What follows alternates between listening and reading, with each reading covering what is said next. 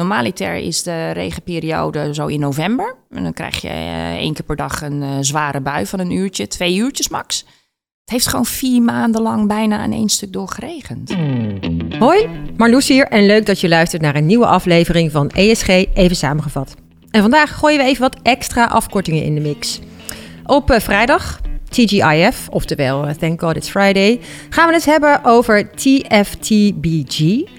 Uh, dat gaat onze gast van vandaag uh, straks uitleggen wat dat inhoudt. We gaan het hebben over SDG's, maar ook over IDG's, IDG's.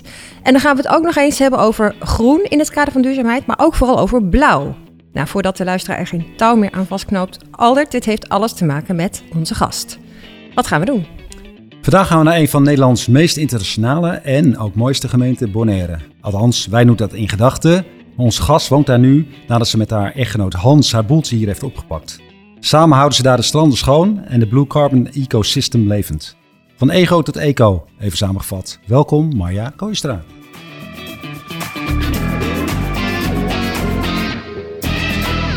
Dankjewel. Leuk dat je er bent, Marja. Ja. En we beginnen altijd traditiegetrouw met wat ijsbrekers, zodat de luisteraar een beetje een idee heeft van hè, wie is Marja, waar sta je voor? Mm. Dan is de eerste, ben je een realist of een optimist? Optimist. Innerlijke groei of uiterlijke groei? Innerlijke groei. Wat denk jij dat de grootste gamechanger gaat zijn in onze duurzame uh, klimaatuitdagingen? Is dat technologie of is dat gedrag? Gedrag. Zonnepanelen of windmolens? Windmolens. We hebben nog nooit zo snel gehad. Jeetje, je bent echt, jij uh, heel goed. Heel, heel goed. En dan de open vraag. Wanneer jij het klimaatakkoord voor Nederland mag vormgeven, wat zou er dan volgens jou absoluut in moeten staan? Absoluut uh, dat het totale Koninkrijk der Nederlanden wordt meegenomen. Dus inclusief de Dutch Caribbean. En dan uh, in ons kader uh, Blue Carbon, uh, maar echt alles wat met klimaatverandering op de eilanden te maken heeft. Maar daar gaan we het uitgebreid over hebben, neem ik aan. Maar eerst even de connectie maken, want ik ken jou vanuit de bankaire wereld. En nu ineens op Bonaire. Yes. en daar zit volgens mij een jaar of 15 tussen. Yes. Dus vertel. Um, nou, we hoeven niet 15 jaar te bespreken in twee minuten. Dus ik doe het gewoon even in. ja, wat is er de afgelopen drie, vier jaar gebeurd? Um, het is begonnen met een coachingsopleiding. Ik was uh, managing director van uh, Fondsenbeheer Nederland. En uh, stuurde een organisatie van 150 man aan. En ik merkte dat de manier van leidinggeven heel erg coachend werd. En dat ik eigenlijk steeds meer op de mens ging zitten. En op het gedrag van de mens binnen vergaderingen, stakeholder management, noem het. Maar wat voor organisatie was het? Fondsenbeheer, zei je? Fondsenbeheer Nederland, ja. Dat ja. is nog financiële wereld? Of? Het is een semi-publieke organisatie die fondsen vanuit de overheid uh, verdeelt over bijvoorbeeld uh, het uh, Nationaal Restauratiefonds, Nationaal Groenfonds. Dus okay. dat soort bedrijven. Uh, toen ben ik een coachingsopleiding gaan doen. En dan uh, moet je vooral zelf ook doorgelicht worden. Dus ik ben zelf ook uh, gecoacht en met psychologen en noem het allemaal. En dan kom je op een gegeven moment jezelf tegen en dan ga je verdiepen. En dan gebeurt de COVID. Um, en dan zit je met z'n allen in één huis. En dan krijgen we gezin mooie, met, met, met, ons gezin. Nou, één dochter. Eén dochter was uh, letterlijk vijf dagen voordat we in lockdown gingen uh, naar Australië op vakantie gegaan. Oh, dus die heeft keuze. daar vier maanden vastgezeten. Maar dat is een ander verhaal. Ja, dat was ook best wel heel heftig. En wij zaten met z'n drieën uh, thuis met onze dochter. Toen twintig jaar. En zij studeerde chemical engineering aan de Universiteit van Delft. En heel erg met sustainability bezig. Um, zij moest haar bachelor thesis schrijven en zij wilde daar iets mee gaan doen. En heeft toen uh, dat sustainability heel erg uitgewerkt. En vraag me niet de thesis uh, onderwerp, dat weet ik niet. Meer, uh, maar het had in ieder geval iets met katalysatoren te maken. dus we hebben heel veel gesprekken gekregen over sustainability. We hebben heel veel gesprekken gekregen over de zin van het leven. En Hans en ik, mijn echtgenoten, hadden op een gegeven moment zoiets van... oké, nou zitten we hier in ons geweldig mooie onder architectuur gebouwde huis... We hebben twee uh, hartstikke fijne inkomens, twee gezonde kinderen, een mooi leven. We kunnen op vakantie wanneer we willen. En moeten we nu het leven zo gaan uitzitten? Uh, zo nu en dan vastzitten, willen we dat? Of is het toch nog iets meer? Nou, en toen kwam er een oude droom naar boven. En dat is dat we in de zon willen gaan leven uh, als we uit de kinderen zijn. En toen dachten we van, nou, misschien moeten we daar serieus over gaan nadenken. Dat is eigenlijk een beetje de trigger geweest. Dus je dochter heeft bijna het zaadje geplant, kun je zeggen? Ja, of? Ja. Een duurzame zaadje dan. Duurzame zaadje. Ja. Ja. Ja, Ja, dat- en dat vind ik wel mooi. Weet Ja. je, dat de jeugd... eh, want, want uiteindelijk is ook een van onze doelen... dat we de wereld een beetje mooier willen achterlaten voor onze kinderen. Maar dat zaadje is inderdaad door onze dochter geplant. Ja, dat is heel mooi. En merk je dat bij jouw beide kinderen is duurzaamheid een onderwerp wat, wat bij hen eh erg Ja, want onze oudste dochter is eh, ons gevolgd naar Bonaire en die is duikinstructeur geworden. En die is heel erg met het koraal bezig. Ehm, en die was daar ook al een tijd mee bezig. Ik denk ook al zeven jaar of zo, dat ze daar iets mee wilde gaan doen. Dus onze beide kinderen zijn heel erg met natuur, met duurzaamheid bezig, eh, met sustainability, self-sufficiency, energie, voedsel, noem het. Eh, ja, dat zijn wel onderwerpen die eh, Ja. op de keukentafel ter sprake kwamen, ja. Maar goed, toen dacht je, we moeten iets anders. Maar, maar, maar wat dan? Ja, nou toen was het eerste was de Caribbean, want daar komen we al 25 jaar. Nou, we- wel langer, ik denk vanaf 1995 dat we daar komen. Een oud collega van ons, toen de tijd, hele goede vrienden van ons, die eh webmanaging director van ABN AMRO Asset Management, toen nog op eh, Curaçao. Eh, dus wij gingen daar vaak naartoe en we hebben echt een voorliefde gekregen voor de Caribbean. En toen was er een, op een gegeven moment in de Trouw een serie over de Caribbean. En Bonaire vooral. Nou ja, lang verhaal kort. Eh, wij zijn toen in juni 2021 eh, zijn we naar Bonaire gegaan en hebben we gekeken of wij, het is eigenlijk een feasibility study, of wij eh, projecten zouden kunnen krijgen waar we iets mee konden doen. En wat zouden wij daar dan mee kunnen doen? We, nou, we zijn alle twee zware projectmanagers en programmamanagers ondertussen ook geweest in onze carrière. Ehm, dus we wilden echt ook onze handen gaan aanbieden om te gaan werken. Want we hadden natuurlijk heel ondertussen netwerk opgebouwd. Want we praten nu over 2021 eerste helft. Want je had, je had alles hier verkocht. Je was, je was daar nog nee, dat was toen nog niet. Ah, Oké, was nee, toen nog zeggen niet. dat, dat nee. toch niet... eh, Nee, dat gaat ook niet eens. Want ik, wij hadden een geweldig huis. Dus ik had zoiets, daar kan ik echt mijn hele leven wonen. Ja. Dan ga ik dood. Ehm, dus voordat ik daar los van eh, kwam, dat heeft wel, eh, wel één, twee jaar geduurd inderdaad. Ehm, maar wij zijn naar Bonaire toe gegaan. Eh, we hoopten met één project in de pijplijn terug te komen. En toen kwamen we er met vier terug. En wat houdt zo'n project in? Want jullie zeiden, dus zijn allebei programmamanagers. Hè? Dan werk je met eh, spreadshe- spreadsheets, deadlines. Dan zorg je ervoor dat kwaliteit en tijd bewaakt worden. Wat was jullie rol dan in deze projecten die je dan opgehengeld had? Nou, die, die projecten die, die moesten van de grond getrokken worden. Eh, want wat het probleem is met Caribisch Nederland... is dat die heel veel gelden krijgen van, eh, van de overheid en van andere banken... om bepaalde aspecten in projecten eh, neer te gaan zetten. En dan krijgen ze een, een zak met geld voor bijvoorbeeld drie jaar. En dan wordt er heel hard aan gewerkt. En daarna wordt er de stekker uitgetrokken. En dan, en dan, dan sterft het een stille dood. Maar zijn het dan vastgoedprojecten? Nee, nee, nee. Het, zijn, eh, dat is, het is eigenlijk van alles, maar vooral niet vastgoedprojecten. Daar wilden wij niet in. Eh, we wilden echt met sustainability bezig zijn, met energie. Eh, we wilden bezig zijn met self-sufficiency in food. Eh, we wilden bezig zijn om de lokale bevolking eh, betere eh, behuizing te geven. Eh, dus dat waren een aantal eh, onderwerpen waar we mee bezig gingen.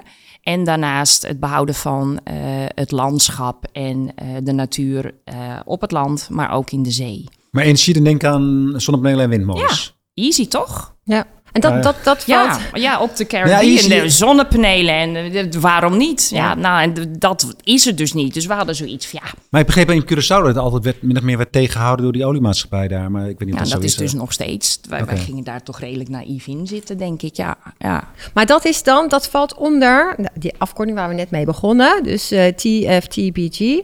Eh, Together for the Better Good. Together for the better good. Ja. Dat is de, het- de, ja, dus de foundation. Of is, dat is wat jullie zijn opgestart. En onder die vleugel ging je dan onder die paraplu. Ja, onder die, paraplu eh, zijn we begonnen. Ehm, even het verhaal misschien wat doorzetten. Dus dat was februari, maart 2021. Eh, toen werd ik op een ochtend wakker en toen zei ik, ik heb een naam. We gaan het Together for the Better Good noemen. En Hans die zat me echt zo aan te kijken, serieus? Dat is toch veel te lang, Together for the Better Good.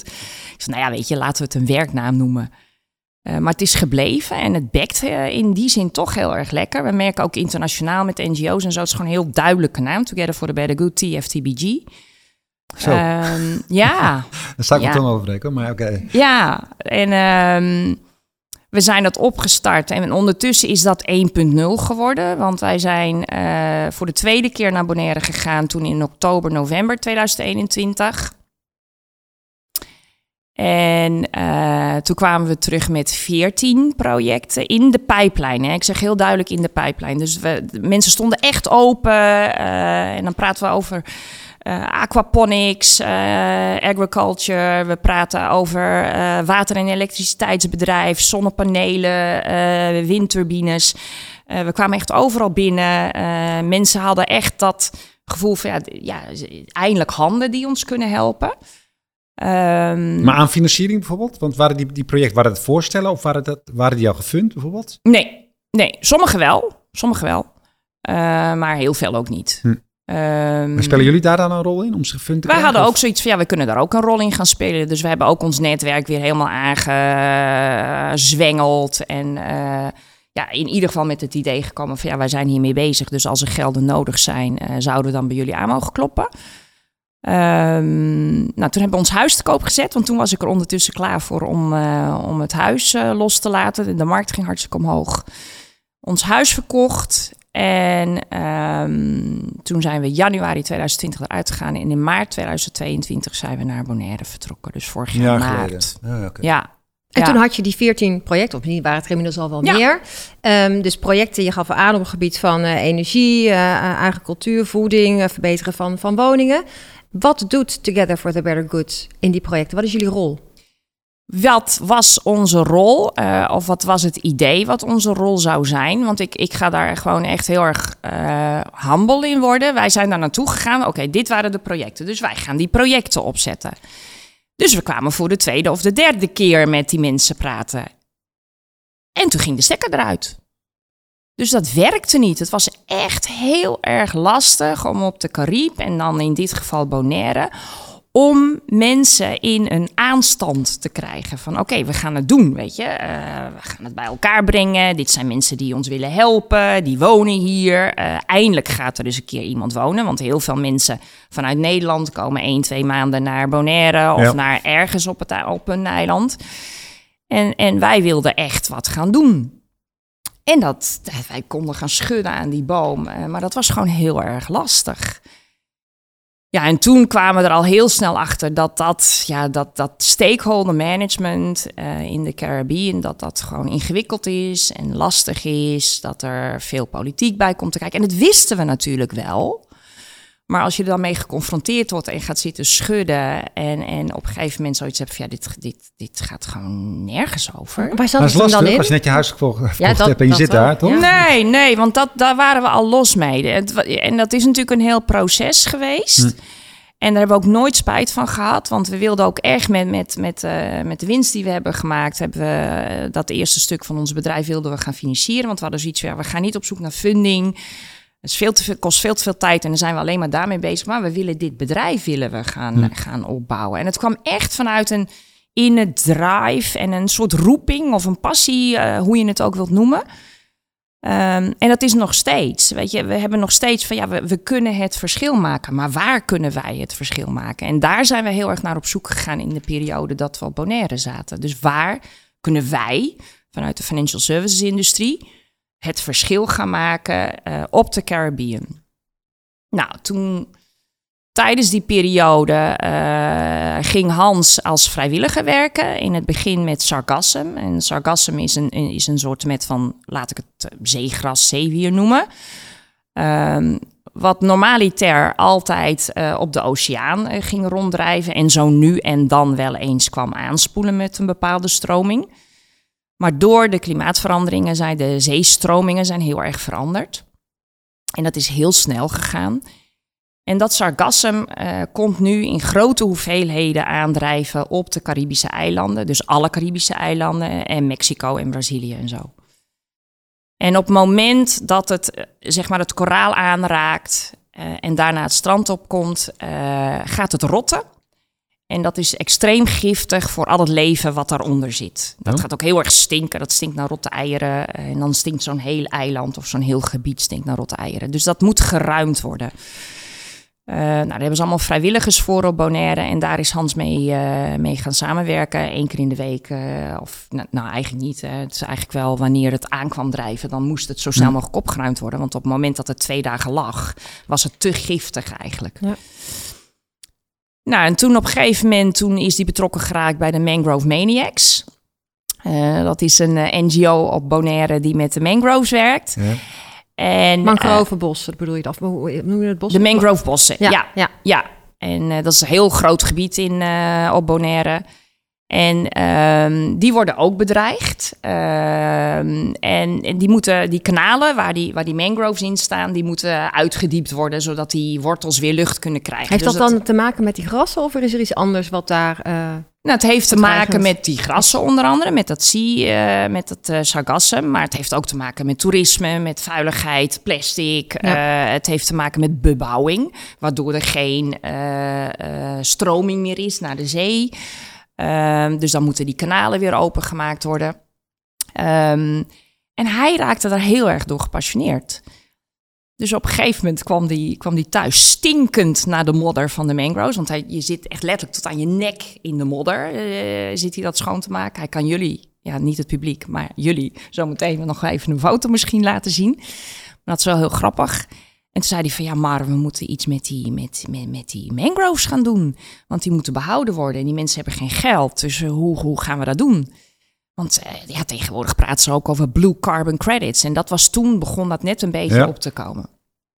Nou, toen ging bij mij alle alarmbellen aan. Nou, ik ga echt niet in carbon credits, want uh, greenwashing, fraud, noem het allemaal, was natuurlijk heel erg in het nieuws.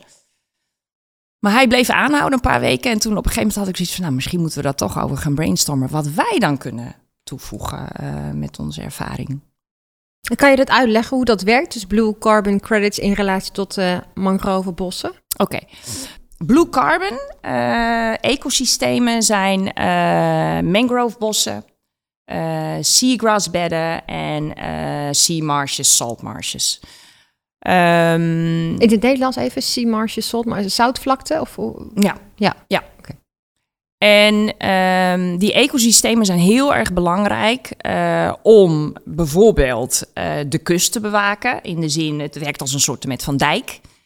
Uh, het houdt het water tegen als het omhoog komt. Het is heel erg belangrijk, mangroves en, en seagrass, voor de vissen als een soort met van kweekvijver.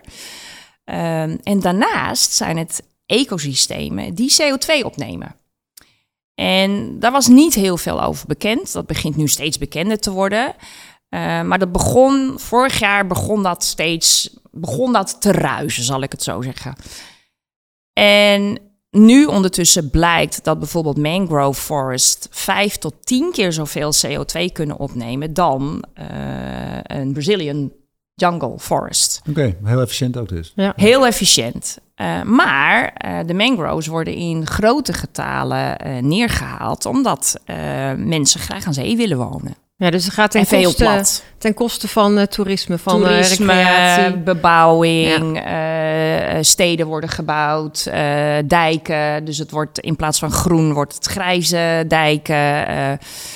En, en nu komt de beweging van ja, we moeten die mangrove forest moeten we bewaren. Want één, ze nemen heel veel CO2 op. Twee, er is al heel veel CO2 in die wortels vastgelegd de afgelopen honderden, duizenden jaren. En op het moment dat die mangroves eruit worden gehaald, gaat dat CO2 dus uh, de atmosfeer in. Met daarnaast dan het effect dat ze überhaupt niet meer kunnen opnemen. Ja, dubbel dus. En biodiversiteit neem ik dan ook aan. Dat, dat, en de biodiversiteit, uh, er kunnen geen vissen meer hun eitjes leggen. Uh, dus de kweekvijver verdwijnt. Dus er zijn allerlei effecten. Op het moment dat je mangroves weghaalt, seagrass beds in de oceaan, die door deep fishing bijvoorbeeld vernield worden. Ehm, er is recent door een grote NGO uh, eh, is er een heel groot seagrassbed bij de Bahama's uh, ontdekt. En dat neemt, en nou, nou, dan weet ik de cijfers niet zo uit mijn hoofd, maar volgens mij iets van 10% van de CO2 op van alles wat er aan CO2 wordt opgenomen door de zee. Dat ene seagrassbed. Ja. Um, dus het is gewoon de awareness en het bewustzijn, uh, de groei daarvan is gewoon heel erg belangrijk geworden. Dus wat zouden wij daar dan mee kunnen doen? Nou, één is die projecten, die hebben geld nodig. Uh, die projecten moeten opgezet worden. Uh, die projecten die worden uitgevoerd op land. En dat land is het eigendom van lokale overheden. Dus dat is één stakeholder. Degene die de projecten gaan opzetten, dat zijn technische NGO's, biologen, die verstand hebben van zaken, die weten hoe dat werkt, die moeten metingen gaan doen. Uh, dus het wordt wetenschappelijk onderlegd. Er moet echt wetenschappelijk vaststaan hoeveel CO2 er per vierkante meter wordt opgenomen door bepaalde soorten bossen. En dat is per bos verschillend. Hangt er vanaf op welk eiland, op welk stuk land dat zit. Mm. Um, dus dat is een gedeelte. Dan heb je de mensen die uh, rondom die mangroves uh, wonen, lokale mensen die daar vissen en hun eten vandaan halen. Want die staan positief tegenover? Nou, en dat is het dus. Er zitten allemaal verschillende stakeholders op het moment in dat zo'n project begint, worden er geraakt door zo'n project. Want als we de mangroves willen behouden, dan zullen we ook moeten gaan praten met lokale bevolking. Van ja, oké, okay, hoeveel, hoeveel vissen jullie? Ja. Um, ja. Uh, uh, moeten we praten met de lokale overheid? Mogen we dat land uh, gebruiken om de mangroves te behouden. Dus je gaat in gesprek met lokale overheden, ja. bla bla bla. Uh, dat project moet onderhouden worden, heeft geld nodig. Op het moment dat je in discussie gaat met lokale overheden en die zien de voordelen ervan. Eén, voor behoud van mangroves, maar het is ook een economisch voordeel, want mensen kunnen daar blijven vissen, kunnen hun, hun voedsel daar vandaan halen. Uh, dus het heeft een, een bijeffect aan de SDG-kant. Uh, voor wat betreft afname van armoede. Economisch is het dus veel beter voor zo'n eiland. Nou, noem het allemaal. Um, op het moment dat zo'n project vaststaat, kunnen de carbon credits op worden afgegeven. Een project is dan in die zin het beschermen of het behouden van het mangrovegebied.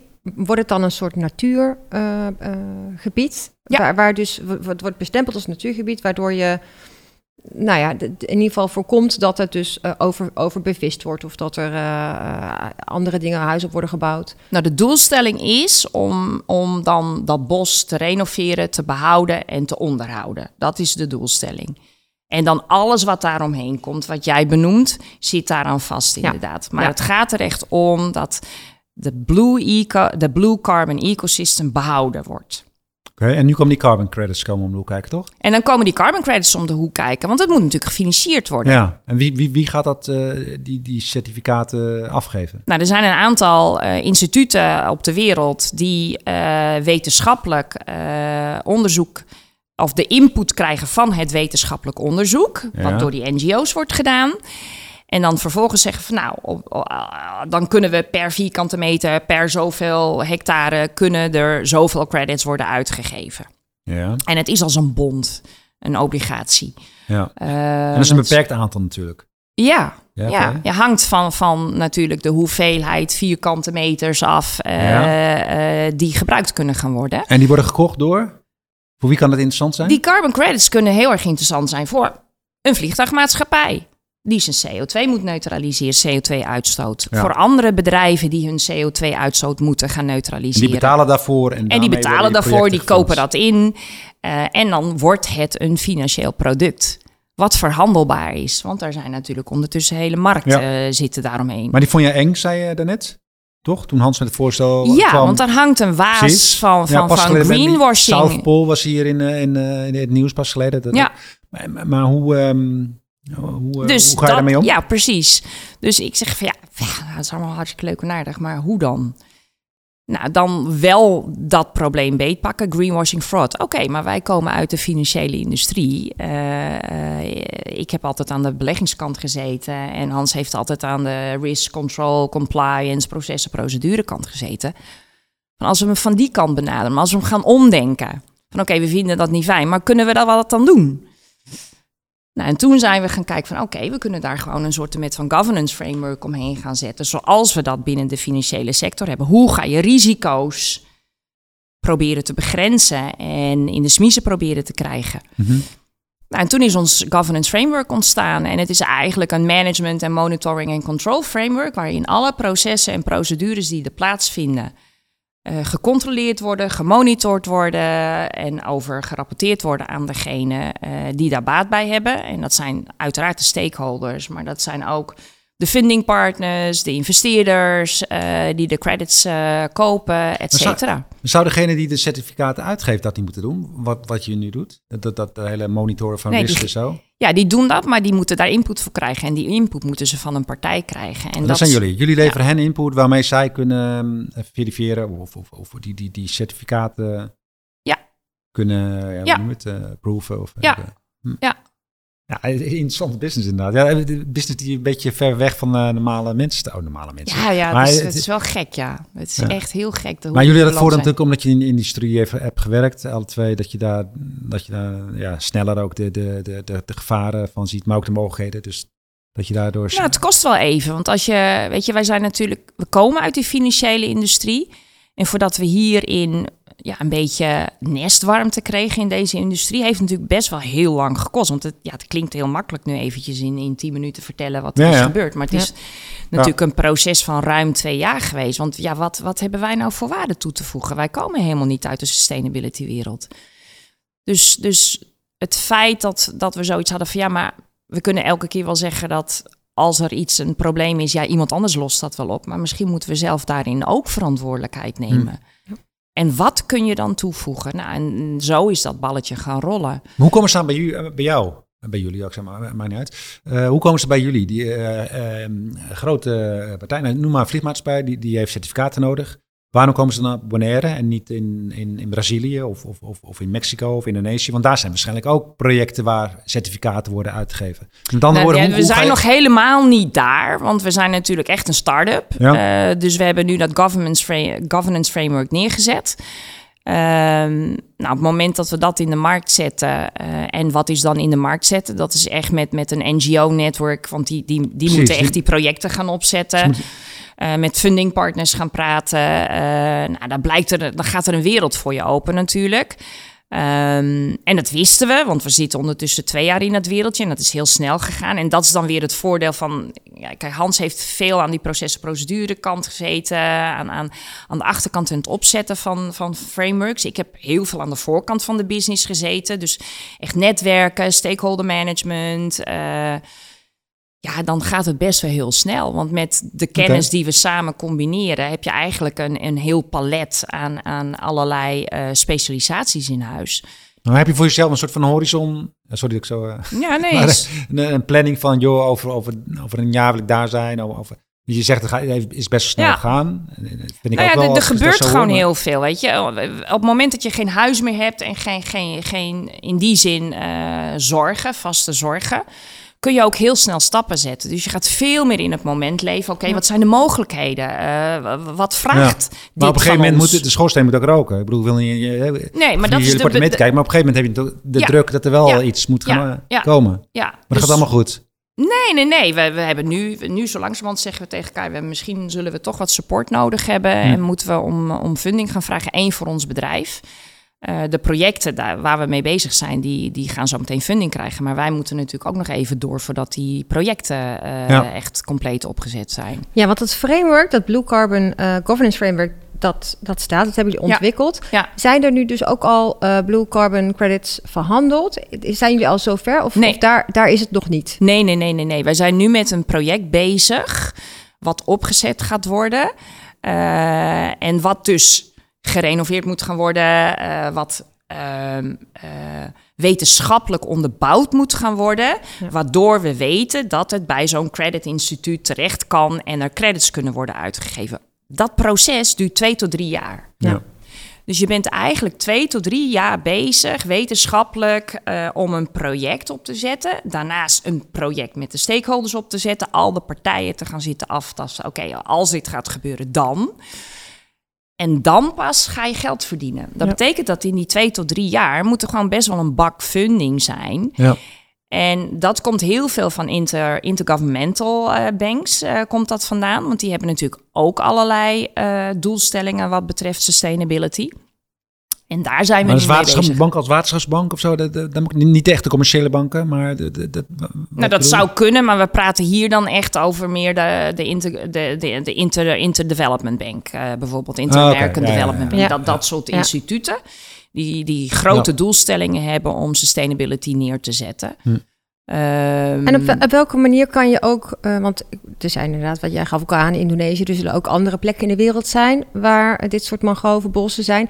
In hoeverre is er ook afstemming met eh, andere landen, andere regio's, eh, waar ze misschien ook met soortgelijke Ja. projecten bezig zijn of Ja. tegen soortgelijke drempels aanlopen? Is daar, is daar afstemming? Of, of het, ja, het is eh, een heel over? grappig wereldje waar je in terechtkomt. En misschien is het nog niet eens zo heel anders dan de financiële wereld. Want iedereen zit met elkaar naar, of naar elkaar te kijken met argusogen. toch? Als, als het Indonesië project eh, gestart wordt en daar worden certificaten voor uitgegeven, dan is het toch Nou, potentieel- dit gaat ons nog niet eens zozeer om de certificaten die worden uitgegeven, als wel het feit dat het gecontroleerd moet gaan worden en dat het, dat, dat, dat, dat monitoring plaats gaat vinden. En dat gebeurt er dus helemaal nog niet. Want En jullie worden betaald zin- voor die service, eh, voor, jullie framework dan? Dat, dat, dat is het Ja, eigenlijk? ja, ja, natuurlijk. het, is een, Ja. ja. het is een framework, een Ja. toolkit. Ja, wat, wat, voor hippe naam is er op dit Ja, moment precies. voorradig, Maar- weet en je dat is nodig om sowieso die certificaten uit te geven. Dus, eh, Nee, want die certificaten kunnen worden uitgegeven. Echt waar? Zonder elke vorm van... Oké. En daarom, dan praten we over greenwashing. Ja, en ja, dat, en dat- dat is waar dat de problematiek zat. Daar, Ja. daar zat de Oké, pijn. Maar baal je dan niet heel erg als... eh, nou, hier, ik weet niet of, of dat internationaal was, maar South Pole hier, Zwitsers volgens mij... Die hadden wat ehm, ehm, certificaten uitgegeven die nou, een beetje op lucht eh, gebaseerd waren, om zo maar te zeggen. Denken jullie dan niet, verdorie, dat kan onze business ook schaden? De naam wel, maar het feit, ja, dus wij, wij moeten ook heel veel op die negatieve marketing zitten in de zin van greenwashing, fraud. Dat proberen we te voorkomen met, met het neerzetten van het governance framework. Ja. En want dat gaat met dat governance framework niet gebeuren. Waarom niet? Omdat we met de FARA en de gold standards gaan werken, die die officiële kredieten gaan uitgeven en die wetenschappelijk onderzoek echt voorradig willen hebben voordat ze überhaupt met zo'n project bezig gaan.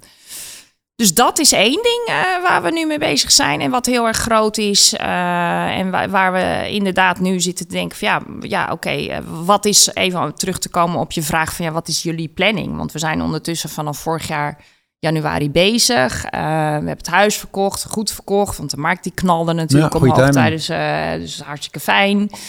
En dat hebben we gefund in het bedrijf. En, en nu denken we dat we nog ongeveer een half jaar nodig hebben voordat we echt met zo'n project eh, bezig gaan. Want daar zijn we nu bezig om die funding te krijgen. En onze consortiumpartners zijn bezig om wetenschappelijk onderzoek nu te doen. Ehm, dus ja, dan moet je wel gaan nadenken. Ja, we, we, ja, misschien geven we het nog een half jaar. En dan, eh, ja, dan, dan moet er toch wel wat gaan gebeuren. Ja. En Ja. dat is wel het probleem van een start-up, denk ik hoor. Ja, Eh, ja. Kijk, iedereen zit Heel allemaal... anders dan een bank, hè? Waar alles, Heel eh, anders alles dan een bank. En van, alles is eh, gewoon makkelijk geregeld, inderdaad. Dus uh, Maar je hebt toch ook nog een andere tak van sport die je doet? Ja. De- de- ja, IDG's. ja, precies. De IDG's. Ja, en dat is het verhaal om even Van, L, daar- van SDG naar IDG. Waar ook IDG. jouw coaching eh, eh, skills om de hoek eh, komen Ja. kijken. Ja, ja je- exact. En dat is het verhaal van, oké... De inner development goals, hè? De inner development goals, ja. Ehm, toen wij vastliepen op Bonaire, weet je, we kwamen weer aan die deur kloppen van, nou, we gaan het doen, we zijn er. Jongens, we zijn er. Oh, gaaf. Maar, en nou, dit en dat, en allemaal moeilijk. Nou, en, en op een gegeven moment liepen we echt tegen, tegen een muur aan. Zo van, ja, wat, wat is er hier aan de hand?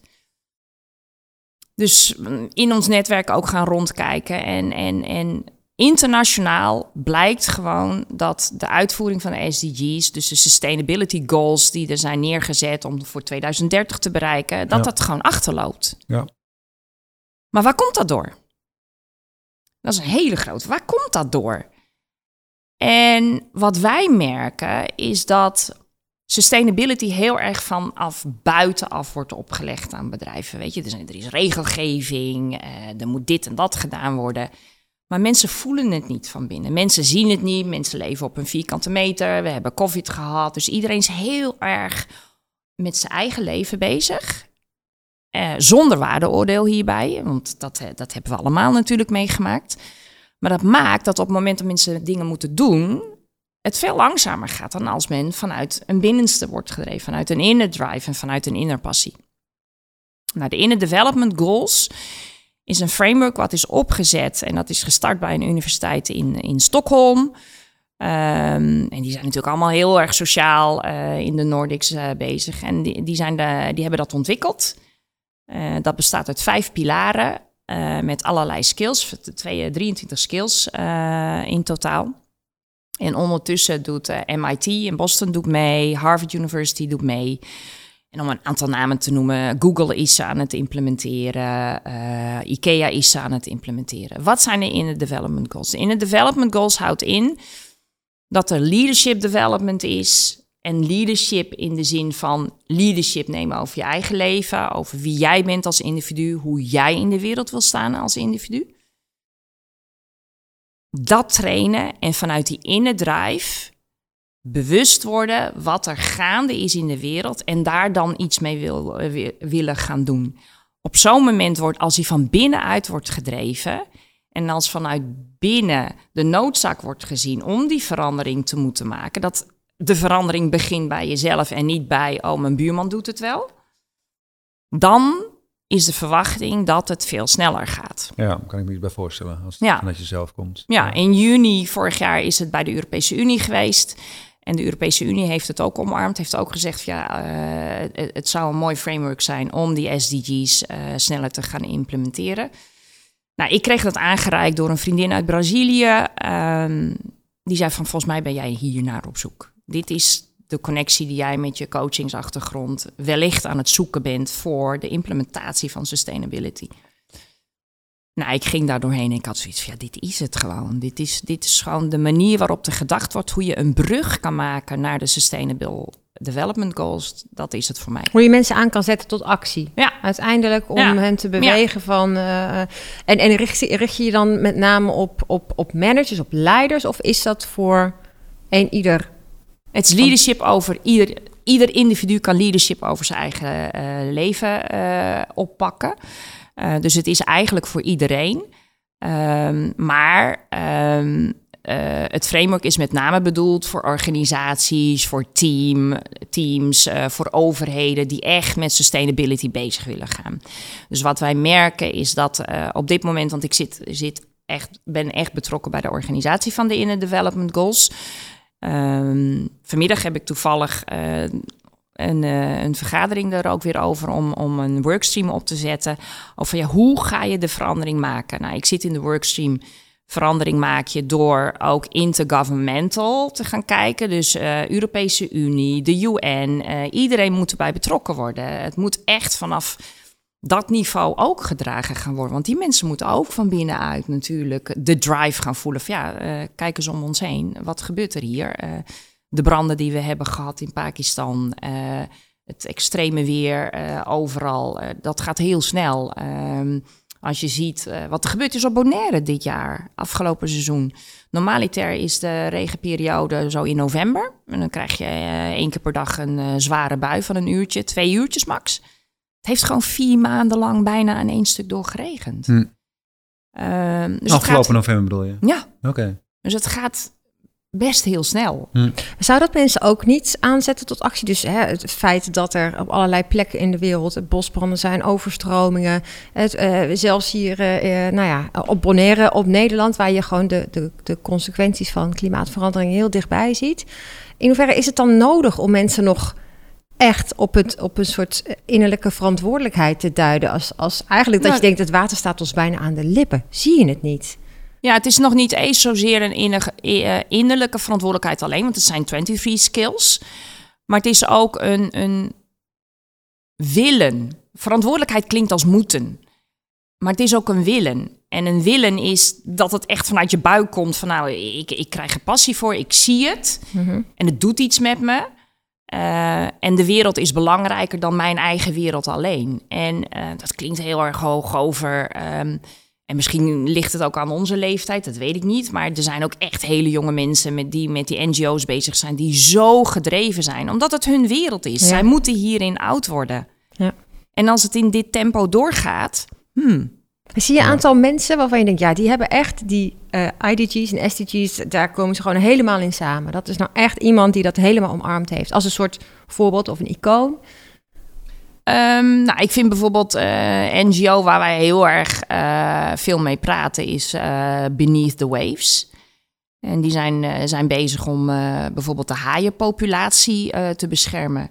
Die mensen zijn zo gedreven, dat komt echt uit hun tenen. Die houden van die haaien, die zien wat er is gebeurd de afgelopen 40 jaar met de haaienpopulatie. Laten we zeggen dat het 40 jaar geleden 100% was en nu nog maximaal 5% in de zee. Ja. Weet je, als je dat soort cijfers hoort, daar schrik je van. Maar het is wel de waarheid. Als je ervan schrikt en het is de waarheid en je denkt van oké, nou best heftig. En de volgende dag ga je gewoon weer naar je werk zonder dat op je in te laten dringen.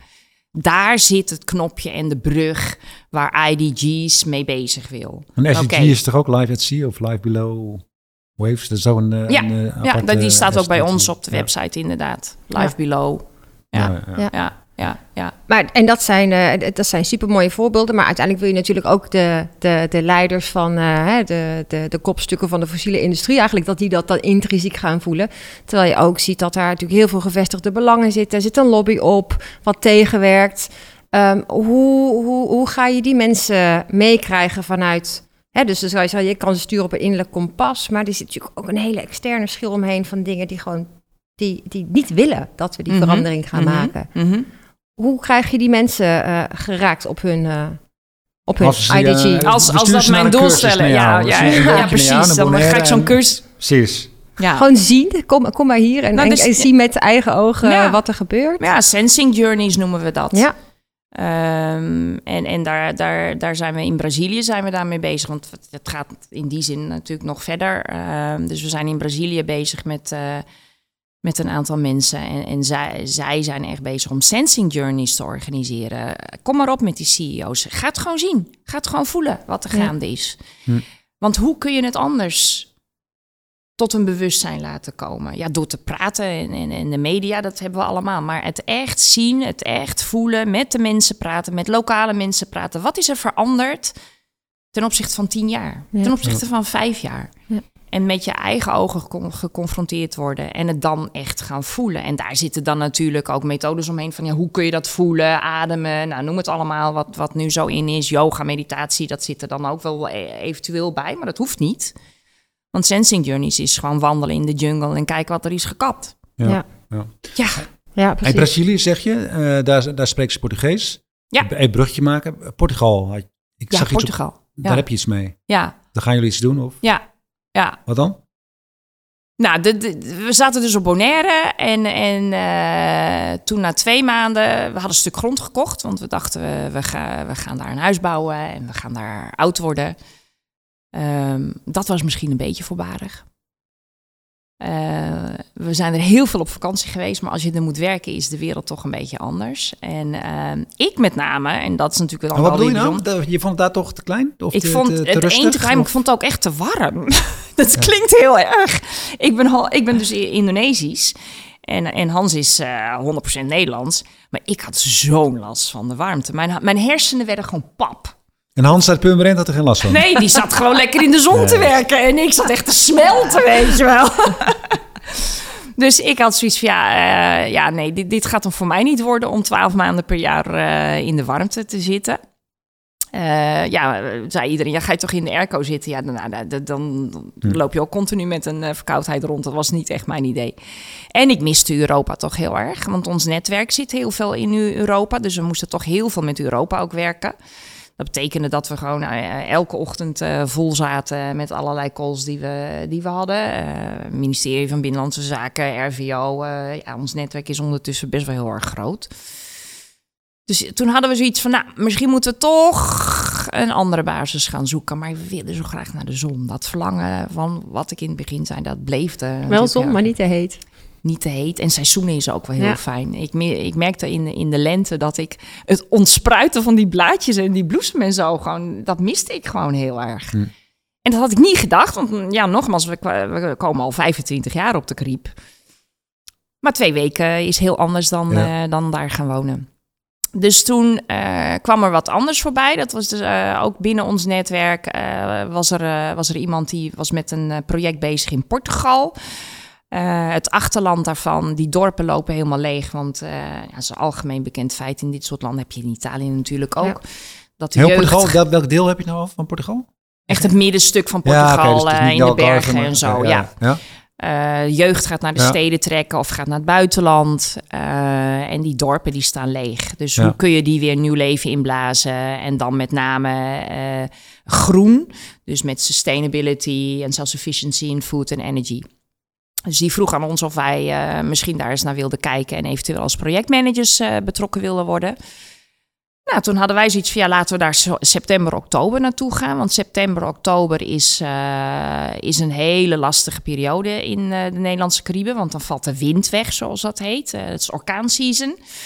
En dan eh, zijn de benedenwindse eilanden, eh, die zitten niet in de orkaanoog, zal ik maar zeggen. Maar door het draaien van de orkaan wordt daar als het ware de wind weggetrokken. En dan wordt het extreem heet, september, oktober. Dus we wilden sowieso eh, september, oktober naar Europa. Dus toen zeiden we, nou, dan gaan we naar Portugal. Dus dat hebben we onderzocht. Dat is een stille dood gestorven door allerlei door dingen die er gebeurden aan, aan die kant van, de, van de business. Maar wij zijn toen wel verliefd geworden op Portugal. En, eh, Zouden we er nu een huis bouwen? Ja. Nou, oké. Maar ben je dan niet bang dat je connectie verliest met de Bonaire? Met de projecten die daar lopen? Nou, toevallig hebben we vanochtend met de Universiteit van Wageningen weer om de tafel gezeten. Want daar zitten wij eh, in een researchproject. Eh, met de Universiteit van Wageningen, met Celibon, dat is het afvalbedrijf van Bonaire. Met het WEB, dat is water- en elektriciteitsbedrijf van Bonaire. Met de Chicken Farm. En dat gaat over het verwerken van sargassum. Ehm, Dus met andere woorden, je, je, je kan ook op afstand kan je betrokken blijven, wil je zeggen. Ook ja, al en wij, je- wij- we willen graag Q2 willen we sowieso even weer een paar weken terug naar, de, naar Bonaire. En, Ja. en, en zullen we ook bij het project eh, betrokken worden van, eh, van de mangroves en de, en de seagrass. Ehm, niet op Bonaire, maar eh, ergens anders op de Caribe. Ehm, dus wij blijven gewoon daar komen. ja, oké, maar je hoeft er niet permanent eh, te nee, wonen. nee ja. wat, wat blijkt is gewoon dat dat eh, uiteindelijk toch... dat je het ook wel in die zin, als je één keer in de zoveel tijd daar komt... dat het ook prima is Ja. eh, en dat dat ook werkt. En eh, even vinger aan de pols houden, ja. Dus Ja. Together for the Better Good gaat ook projecten in Portugal ont, ontvouwen. Nou, ontplooien. wie, wellicht. En dan, maar dan zit hij meer aan de IDG's kant. Eh, want dat is wel een beetje een droom van mij. Dat is een oude droom. Eh, al twintig jaar geleden heb ik ooit een businessplan daarvoor geschreven... eh, om retreats voor leaders te houden. En ehm, wellicht dat dat in Portugal gaat plaatsvinden. Dat is wel een droom, ja. Bij ABN AMRO hadden vroeger, heb je die ook, die leaderships hadden we, die waren Ja. in Portugal. Nou, die zijn voor mij zijn dat nog steeds van die, Ja. van die programma's dat ik dacht van ja, dat, dat moet gewoon nieuw leven worden ingeblazen, maar dan op een moderne manier. Ja, moest je een paar dagen lopen in zo'n natuurreservaat in Ja. Noord-Portugal. En dan Ja. ben je allemaal dingen ontdekken over jezelf en over je collega's. Moest je Ja. brieven naar jezelf schrijven. Bla, bla, Ja. Dat is Nou, oh, ik denk eh. TCT, Marja, als het staat, dan komt altijd komt langs. Zeker. Laat je ons weten als je, Ja. het, eh, Dat ga ik zeker doen. als je zover bent. En ook eh, nou ja, wat, eh, hoe het jullie vergaat op de, op de Caribe of op, Bonaire met jullie, eh, met jullie projecten daar. Ja. Heel zijn er nog dingen die je vergeten zijn te vragen of die je graag nog op tafel wil gooien? Nou ja, ehm, ja. Ehm, want wat we hebben besproken is Together for the Better Good 1.0. Wat over is gegaan, dat, wat we ondertussen noemen 2.0. Dus dat is het Blue Carbon Governance Framework. En dan eh, Leadership Development door middel van IDG's. En Stakeholder Management eh, door middel van IDG's ondertussen. Eh, dus dat is denk ik wel heel erg belangrijk. Want die projecten die zijn, die zijn er nog steeds. En op het moment dat ze ons worden toegeschoven, dan, dan pakken we dat op. Eh, we zijn bezig met twee projecten. Dat is het ene project wat ik net vertelde met de Universiteit van Wageningen. Het researchproject over hoe verwerk je sargassum. Dus dat giftige Ja, ja. wat aankomt drijven. Eh, daar kun je biogas van maken bijvoorbeeld. Oké. Eh, dus dat zijn we op dit moment aan het onderzoeken. Eh, want dat geldt dan voor alle eilanden. Op het moment dat sargassum komt aandrijven en ze kunnen Ja. het opruimen, moeten ze het ook kwijt. Ja. Dus dat is iets wat connected is met die blue carbon ecosysteemprojecten waar we ook mee bezig zijn. Want die worden natuurlijk bedreigd door dat sargassum. Dus dat zit daar ook weer omheen. Dus het is allemaal interconnected. Hm. Ehm, daarnaast, eh, climate change heeft een heel groot effect op self-sufficiency. Eh, in de zin dat dat moet groeien op de eilanden. Ehm, en ik praat nu echt over alle eilanden. eh, dus niet alleen de Dutch Caribbean, maar echt de Greater Caribbean. Ehm, wat we weten is dat eh, in ieder geval Dutch Caribbean wordt 90 tot 95 procent van het voedsel wordt geïmporteerd. Op de andere eilanden eh, is dat 60 tot 90 procent. Dat is veel zeg. Eh, en dat is echt heel Het veel. meeste gebeuren in die uh, aanvoerketen en je eh, Ja, en dat is natuurlijk tijdens COVID gebeurd. Ja. Hm. Want alle tankers kwamen Ja. vast te zitten. Dus ze hadden wel een probleem met de aanvoer van voedsel. Ehm, dus een ander project waar wij mee bezig zijn is een aquaponics eh, boerderij. eh, die we proberen te helpen op het moment dat ze financiering eh, nodig hebben. Want de, de eilanden zijn heel arm qua soil. De grond is heel arm geworden. Het is natuurlijk door de droogte en het Ja. wegspoelen van, van zand en dergelijke is dat arm. En aquaponics en hydroponics agriculture eh, zijn methodes die heel goed werken op de eilanden. Dus dat is ook iets waar we, waar we echt wel een hart voor eh, hebben en houden. Dus het is allemaal interconnected, merken we. En hetgene wat nu over is gebleven, de basis, het Blue Carbon eh, Governance Framework. en dan met stakeholder management, management via IDG's en leadership development. Met daarnaast dan sargassum en ook eh, aquaponics. Dat is, eh, dat is hetgene waar we nu mee bezig zijn. Vol bordje dus, mag ik wel zeggen. Yes, Oké, leuk. Hey, eh, dank dat je de gast was hier. Ja, heel dank graag voor je verhaal. gedaan. Heel leuk. En heel veel succes. Dankjewel. Wil je nou meer afleveringen luisteren zoals deze? Ja, abonneer je dan hè, altijd in de podcast-app, je favoriete podcast-app. En dan eh, mis je geen enkele aflevering van ESG. Elke twee weken een aflevering. Tot de volgende.